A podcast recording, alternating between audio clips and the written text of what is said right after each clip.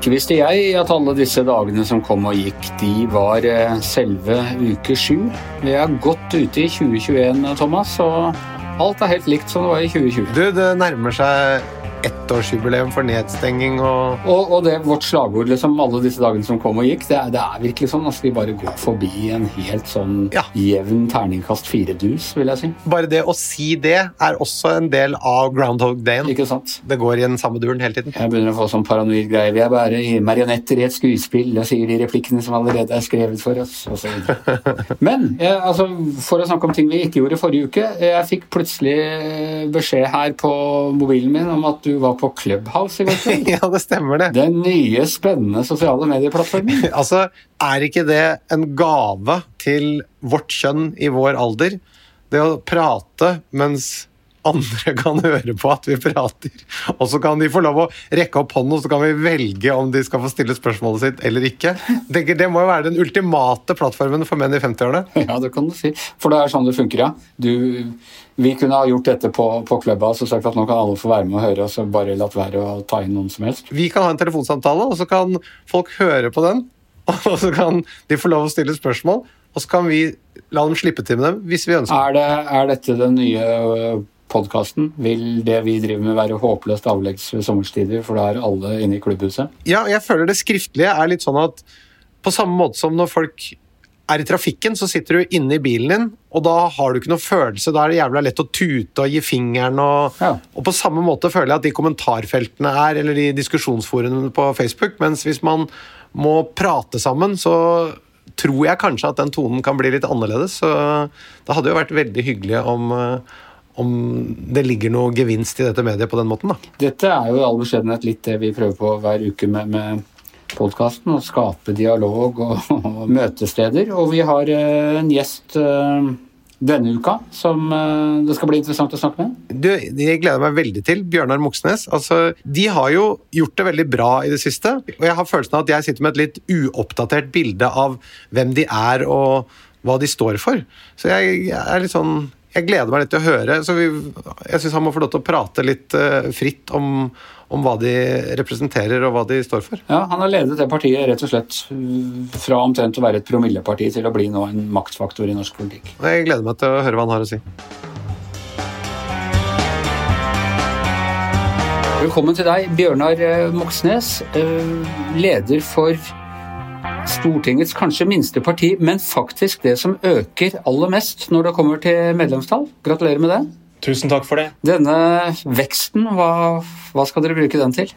Det er vel å prøve, bruke den til å prøve å forandre Norge i, i riktig retning. Eh, Jeg tror ganske mange eh, av venstresidas velgere, den rød-grønne velgermassen, eh, de som er engasjert i fagbevegelsen altså de, Alle ønsker seg jo et samfunn med mindre forskjeller, mer rettferdighet, eh, ordentlig arbeidsliv, eh, alt det her.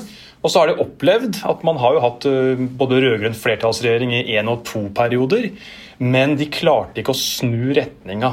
Altså, det ble ikke mindre forskjeller, det ble ikke mindre privatisering, det ble ikke noe, noe vendepunkt når det gjaldt profitt i velferden. Så vi skal jo bruke da denne veksten vår og et rekordvalg til høsten, da, forhåpentligvis, til å slåss for et ekte vendepunkt og en, en annen kurs eh, som jeg tror mange rød-grønne velgere eh, ønsker seg. Kan du si med relativt få ord, eller i hvert fall litt brede strøk, hva som er hovedforskjellen på det samfunnet dere vil skape, og det samfunnet SV vil skape? Jeg tror eh, sånn prinsipprogrammene eh, er ganske, ganske like på det. Eh, Det er ikke der man finner den store forskjellen. Jeg tror begge partier vil ha sosialisme. Eh, Vil ha et samfunn der, eh, der kapitalen har veldig mye mindre makt over både politikken og hele samfunnsutviklinga. Og der eh, demokratiet og folkestyret bestemmer mye mer enn det gjør per i dag. Nettopp, så Hvorfor skal folk da stemme på dere og ikke på SV hvis de er for alle disse fine, flotte tingene? Nei, Jeg syns jo det er fordi at, at Rødt At vi har vist i praksis at vi er gode på å dra politikken i riktig retning. At vi har noen prinsipper som vi står hardt på. eh, Og at vi til forskjell fra SV eh, har jo aldri åpna låvedøra eh, for velferdsprofitørene i barnehagesektoren. Eh, vi har aldri støtta bombekrig i regi av USA, som vi så i Libya.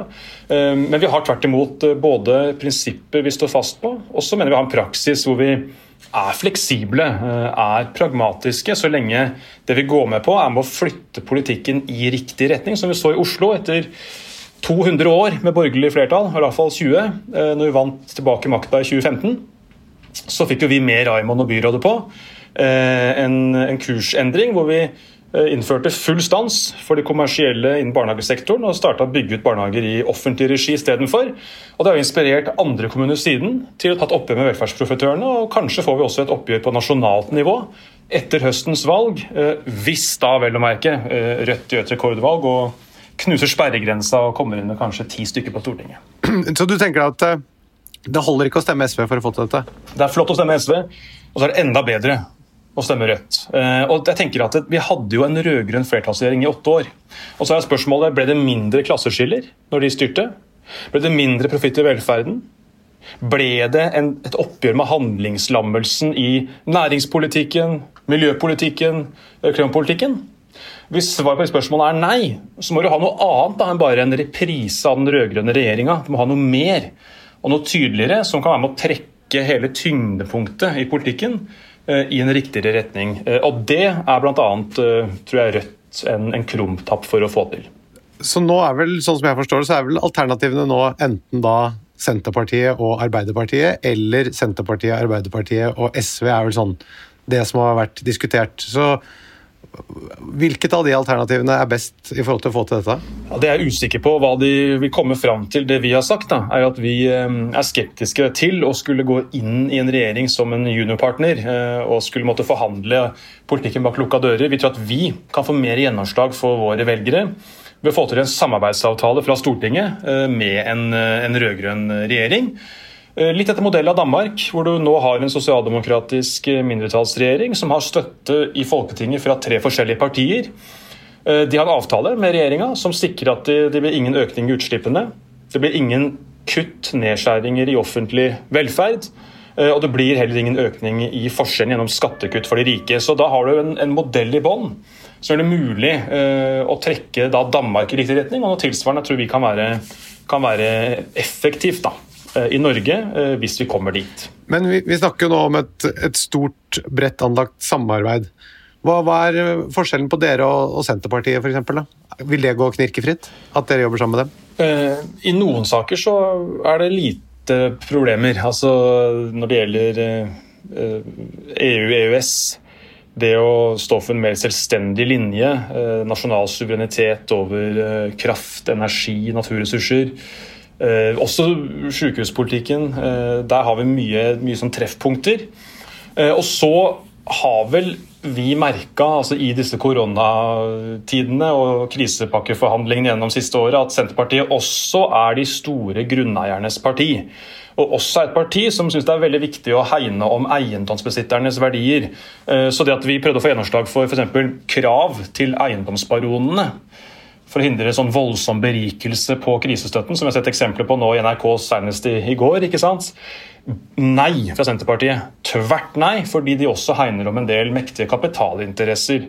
Så der skiller vi jo lag. Eh, men det står ikke i veien for å kunne ha et samarbeid eh, fra Stortinget eh, med en regjering hvor Senterpartiet inngår. Det kan tvert imot være viktig for å få til en kursendring der hvor Arbeiderpartiet stritter imot. Og det er klart Alt som handler om EU og EØS, det er jo mer hellig enn en, en, en paven for Arbeiderpartiledelsen. Og også det å hegne om eh, foretaksstyring av sykehusene, at man skal styre sykehus som om det var bedrifter. Det hegner jo Støre om som om det var den hellige gral. Her kan Senterpartiet, SV, Rødt sammen med fagbevegelsen presse fram endringer for å få en annen eh, styring og folkevalgt kontroll over sykehusene enn det vi har per dags dato. Men det som du nevnte som den store, viktige forskjellen som skulle få til denne gangen, som dere ikke fikk til sist gang, nettopp det med Eller som de ikke fikk til sist gang. Ja, Dette med en mer rettferdig fordeling, som dere eh, snakker om. Der er dere da grunnleggende uenige med Senterpartiet? Da, vi vet jo i hvert fall at Senterpartiet og Arbeiderpartiet har jo vært med på de store forlikene om skattepolitikk eh, med Høyre og Frp, hvor de har kutta kraftig i, i, skatten på kapital. Og hvis du skal få gjort noe med de økende forskjellene Og her er jo både Vedum og, og Støre veldig tydelige i retorikken på at de ønsker mindre forskjeller. Men da må du også faktisk ta en konfrontasjon da, med en politikk som systematisk omfordeler til de som besitter kapital. Og der er jeg nok litt i tvil om hvor stor viljen egentlig er hos Vedum Arnstad Støre osv. Der må vi presse dem. Altså Vi må presse dem knallhardt, og det får vi kun til med et sterkt Rødt, en sterk venstreside og ikke minst en sterk fagbevegelse som er med oss og kjempe for forandringer på det punktet her. Du, eh, jeg må spørre, jeg skal ikke bruke veldig mye tid på gamle dager, men, men altså, eh, ditt parti Rødt er jo da utgått av Rød valgallianse, som er utgått av AKP, som er utgått av noe som het SUF-ML i sin tid. Altså I 1961 så brøt Sosialistisk Folkeparti, det som nå er SV, ut av Arbeiderpartiet fordi Arbeiderpartiet var for høyreorienterte. Og så, i 1969, så brøt SUF ut av SF, eller SV igjen, fordi de var for høyreorienterte. Uh, og så i disse dager, så du og en del andre i Rødt er nå veldig veldig opptatt av Einar Gerhardsen. Det var liksom paradiset på jord. Altså det Arbeiderpartiet på 50-60-tallet som var så autoritært og så høyreorientert at det skapte både SV og Rødt, er nå blitt uh, Nå er jo de uh, gutta døde og kan ikke forsvare seg, men nå er de blitt sånne dere trekker fram sånn ja, da var det solidaritet i landet og, og ordning for ordning på tingene. Eh, er det det som liksom er visjonen? Å, å, reversere utviklingen tilbake til, til 60-50-tallet?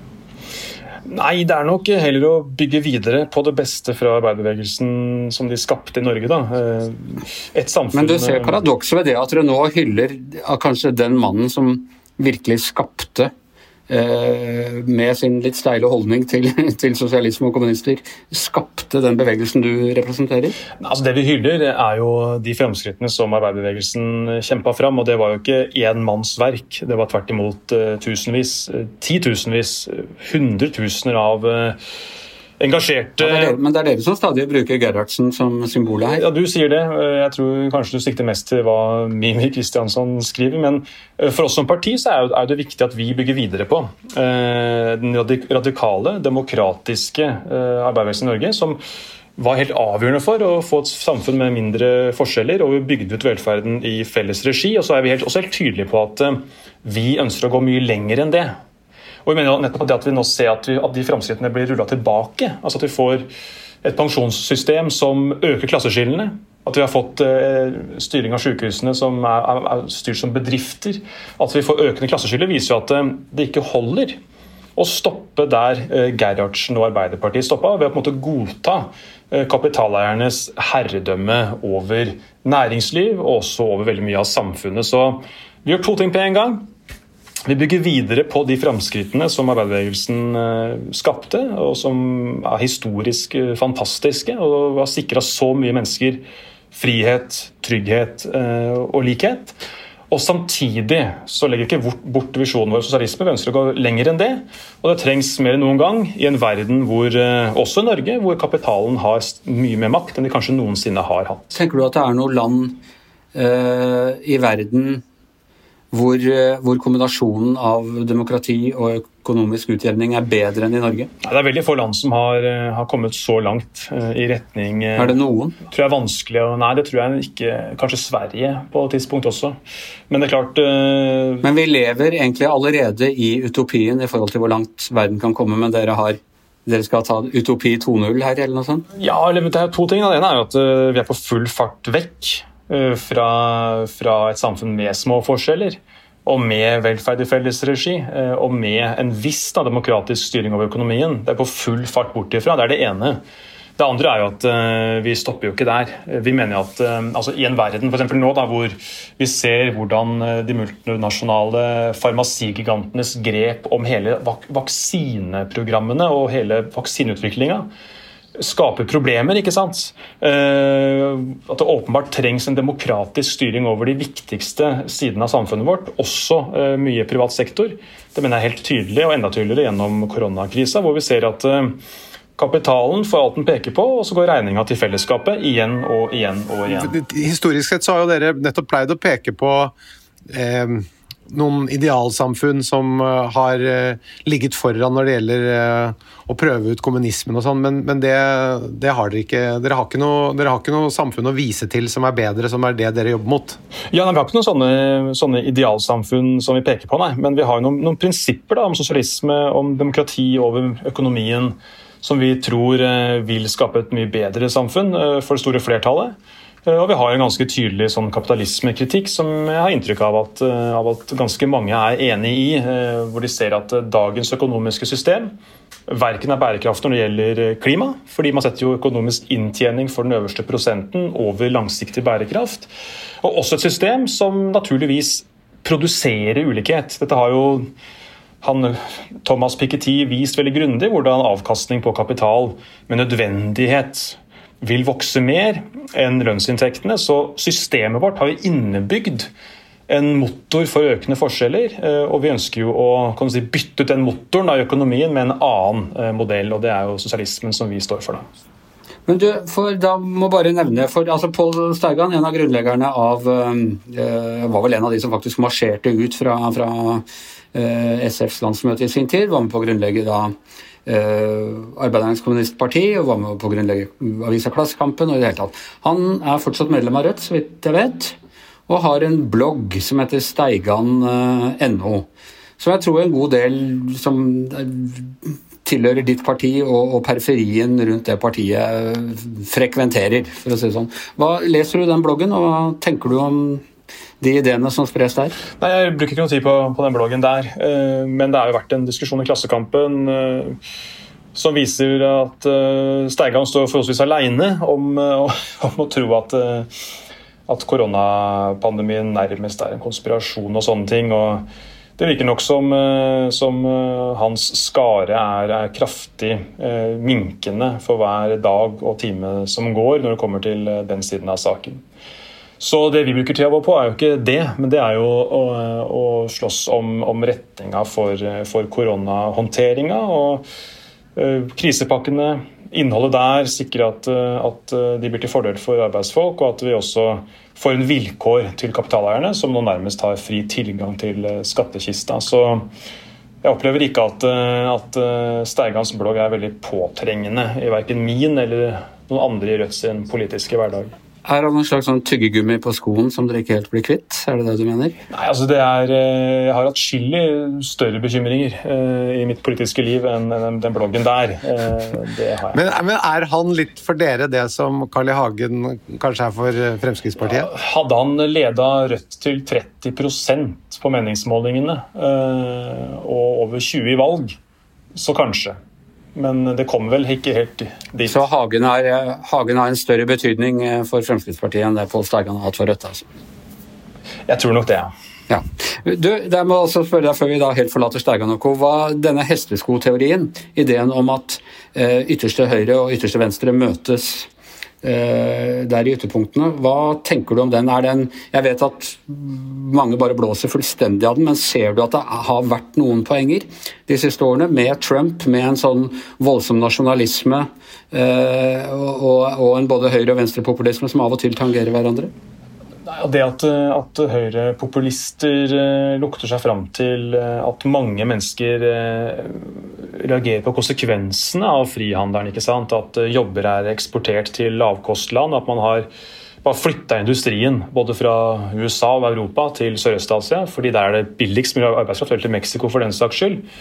Det betyr jo ikke at, at kritikken vår av den, den frihandelspolitikken er feil. Eh, og jeg er jo glad for ja, at det fins eh, Men det er en del på venstresiden som også har lukta seg litt fram til en del av innvandringsstandpunktene på, på ytre høyre og sånn også? Nei, men da må du skylde, altså, fordi eh, det er vel ingen som er så konsekvente i en solidarisk og, og raus asylpolitikk som ytre venstre. Vi får kjeft for det annenhver dag av Sylvi Listhaug, at vi ønsker å ta imot flere som flykter fra krig, forfølgelse og terror. Men det må ikke sauses sammen med at vi på den annen side ønsker en regulering av arbeidskraftimporten fra, altså fra østeuropeiske land. For det handler jo om å sikre den norske modellen og bekjempe sosial dumping og unngå at vi eh, ødelegger arbeidsvilkårene i en rekke bransjer. Men, eh, men, husk at den solidariteten vi har overfor folk som flykter, den står fjellstøtt. Og den tror jeg ingen kan påstå at, at Rødt eller SV da, er noe veike på. Det er andre partier som, er, som flørter mer med høyresida, jf. Arbeiderpartiet, når det gjelder å skulle være hard i klypa med asylsøkere. Du, eh, litt utenriks. Vil Rødt melde, melde Norge ut av Nato? Det ønsker vi. Og eh, hvordan ser du på Russland og på Putin og på er, vi, Burde vi være mer imøtekommende for det russiske totalitære regimet? Nei, vi burde være, Alle burde bekymra for utviklinga internt i Russland. Uh, autoritære tendensene som er helt åpenbare uh, i det landet. Uh, og så burde vi samtidig tenke grundig gjennom, som både Kai Eide og Kåre Willoch eh, har sagt. og Einar Gerhardsen. Norges politikk og Ja, mulig basepolitikken også. Nei, altså at Norge ligger jo der vi ligger. Eh, vi er jo nabo til en stormakt og har vært det i mange hundre år og har bevart freden eh, med den stormakten. Vi må tenke gjennom hva er det som er i norske interesser i forholdet vårt til Russland, og kan det komme i konflikt med det som er i amerikanske interesser. Og Der mener jo vi at eh, balansepunktet har eh, vippa eh, altfor langt i favør Washington DC. Når regjeringa godtar både amerikanske militærbaser på norsk jord, godtar stasjonering av B-1 bombefly, som er langtrekkende offensive strategiske bombefly, og også er med på seilaser inn i russisk økonomisk sone i Barentshavet. Da går vi over fra eh, beroligelse og mer til bare avskrekking. Og det vil utløse motsvar fra Russland, som igjen vil utløse motsvar fra amerikanerne. Så har vi en spiral som går oppover, framfor å få avspenning i det høye nord. Men erfaringen de siste 10-15 årene viser jo at Russlands eh, autoritære tendenser er ikke bare et innenriksproblem. Definitivt, og jo også tydelig når det gjaldt uh, annekteringa av, av Krim. Men det er veldig lite klokt å la strategene i Pentagon nærmest diktere norsk utenrikspolitikk i nordområdene.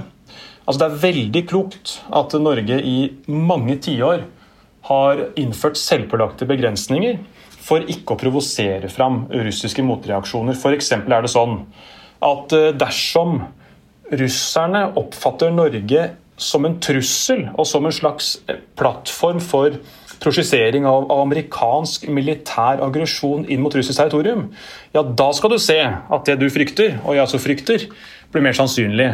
At, de anser Norge som et mål eh, og som en trussel. Men hvis de anser Norge som en stabil og tydelig nabo, som ikke, ikke ønsker å, å, gi amerikanerne en plattform for å kunne drive aggresjon inn mot russisk territorium, så, så er det mul mer mulig da, å ha et, et, eh, mer stabilt naboskap eh, med dem. Okay, okay. Jeg føler at vi, vi, kunne holdt på egentlig en helt egen en bare med, med, Nato. Jeg brenner inne med et par spørsmål her. Men du, vi eh, Men, men du, Bjørnar, hva tenker du om Kina, da? Nei, altså, Der ser vi jo hvordan, hvordan flesket følger flagget, som man sier i Danmark. Vi ser jo at uh, Ingen er så glad i det kommunistpartistyrte Kina som norsk kapital og den til hvert tid sittende regjering. Så det er jo, du kan si det, det, det, Kina viser, at det er fullt mulig å kombinere et diktatur sånn i, i politikken eh, med kapitalisme i økonomien. Det går helt fint hånd i hånd. Det er ikke sånn at kapitalisme fører til demokrati nødvendigvis. Det er fullt mulig å ha et allmektig kommunistparti som styrer ett og alt, og samtidig ha en uhemmet kapitalisme som er, er den økonomiske motoren. Så det er jo en en grei sånn uh, måte å motbevise mye av disse her unge høyre-teoriene om at kapitalisme er en forutsetning for, eller med nødvendighet fører til demokrati uh, og flertallsstyre. Eller at kommunisme fører til rettferdig fordeling? Ja, definitivt. Altså det, det Regimet i Kina har vi jo ingenting til overs for. og Det viser vel bare at diktatur ikke er spesielt demokratisk, men at det er fullt forenlig med kapitalisme, det, det ser vi jo i fri utfoldelse eller kanskje i ufri utfoldelse i Kina i dag. Dog må vi si at regimet i Kina i dag er bedre enn det var under Mao. Ja, jeg tror det er vanskelig å gradbøye det, altså. men uh, det er klart at det blir jo ikke Jeg tror de millionene som døde under det store spranget fremover, vil være uenig i det, men uh... Ja da, definitivt. Men uh, poenget vårt er vel at Altså at det ettpartiregimet der er, er pill råttent, og det er åpenbart fullt forenlig med markedsøkonomi å ha et sånn type regime. og det er til ettertanke kanskje for de som mener at kapitalisme per definisjon uh, har noe demokratisk uh, innebygd i seg. Det er vi enig, i, og som Thomas sa, det er også til ettertanke for de som tror at kommunismen har en, har en automatisk rettferdighetsfordeling inni seg. Du, vi skal snakke litt om mer hva, hva vi gjør i i det private for å bøte, bøte på og hjelpe til på økonomien. Vi spør alle gjestene våre om de har kjøpt noe siste tiden utover husholdningsvarer for å putte penger inn i økonomien igjen? Nei, det har vært lite av det siste tida, altså. Men, men det, er, det, er, det, er, jo et bidrag å kjøpe mat og drikke, er det ikke det? Jo, jo. Har du kjøpt noe Holder i hvert fall dagligvarehandelen i gang. Har du kjøpt noe godt? Du er jo matinteressert. Du har vært på Masterchef og sånne ting. Har du kjøpt noe øh, god indrefilet eller et eller annet sånt? Uh, jeg har kjøpt uh, grilla kylling på Meny. Altså, den er, den er, veldig god. Nå koketterer du. jo, men det var, kylling, det var kyllingvinger, kyllingvinger, så det var okay. ekstra. Og så har jo, jeg kjøpt en, sånn glass med sånn artisjokkhjerter. Det er veldig godt. Du er ikke for fin til å grille kyllingen din sjøl. Du kan gjøre det òg. Ja, ja, ja, men det, det, tar tid. Det tar tid. Ja, men du må ikke ha sånne, må ikke ha sånne underbetalte dagligvareansatte til å gjøre det for deg. Nei da, jeg kan, jeg kan også øh, være, være, fin på det og gjøre det sjøl, men da må du ha Den skal jo stå litt, da. For å bli god. Du kan liksom sjokkgrille den sikkert under grillen i fem minutter, men det blir jo ikke, det blir tørt og, og vondt. Så da må du ha tid og, og sånt da, til å gjøre det skikkelig. Ja, ja. Da, nettopp. Og hvis vi da får uh hvis vi får litt kortere arbeidsdager for alle, så, så, har vi tid til det. vet du. Nettopp. Eh, kanskje det beste, beste argumentet for sekstimersdagen er at alle får tid til å grille sin egen kylling. ikke sant? Kan ikke, dere, kan ikke, dere, gå ut med det slagordet, da? Eh, jo, vi kan jo det. Vi har ennå ikke spikra liksom, valgkampslagordene. Så det er et um, Vil du ha selvgrilla kylling? Ja, det, er noe der. Hvis dere vinner valget på det, da, da, føler du virkelig at du har bidratt med noe her i samfunnet, Thomas, med å, med å gi, dem, gi Rødt den? Ja, men jeg tenker at Det er så bra å starte med utgangspunkt i noe personlig. Politikere er jo ofte representanter for liksom, noe større enn seg selv. Og her ser vi jo at uh, her er han i klem for å få grilla kyllingen sjøl, og da tenkte jeg da uh, er det ikke noe vits i å outsource det, da, vet du. Ok, du Thomas, hva har du kjøpt deg? vet du hva, Anders, jeg må melde pass denne uken.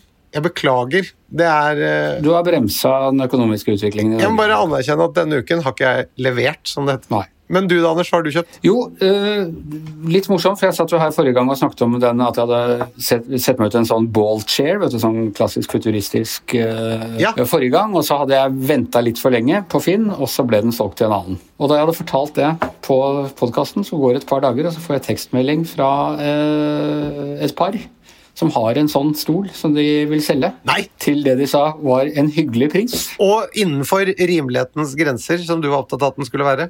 Ja, nemlig. Og jeg, vi ble enige om at jeg skulle ikke sitte her og, og, snakke om hva den var solgt for, men de kom med et tilbud som jeg godkjente. Det var ikke noe prutting eller, eller diskusjon der. Og nå har jeg den stolen stående i stua. Jeg er utrolig godt fornøyd med den. Jeg er liksom Kona mi mener at det er litt som om jeg har fått meg en hund. For jeg må liksom stå opp og se på den om morgenen og se hvordan det har gått med den gjennom natta. og, og. Så tenkte jeg det er kanskje ikke penger rett inn i økonomien.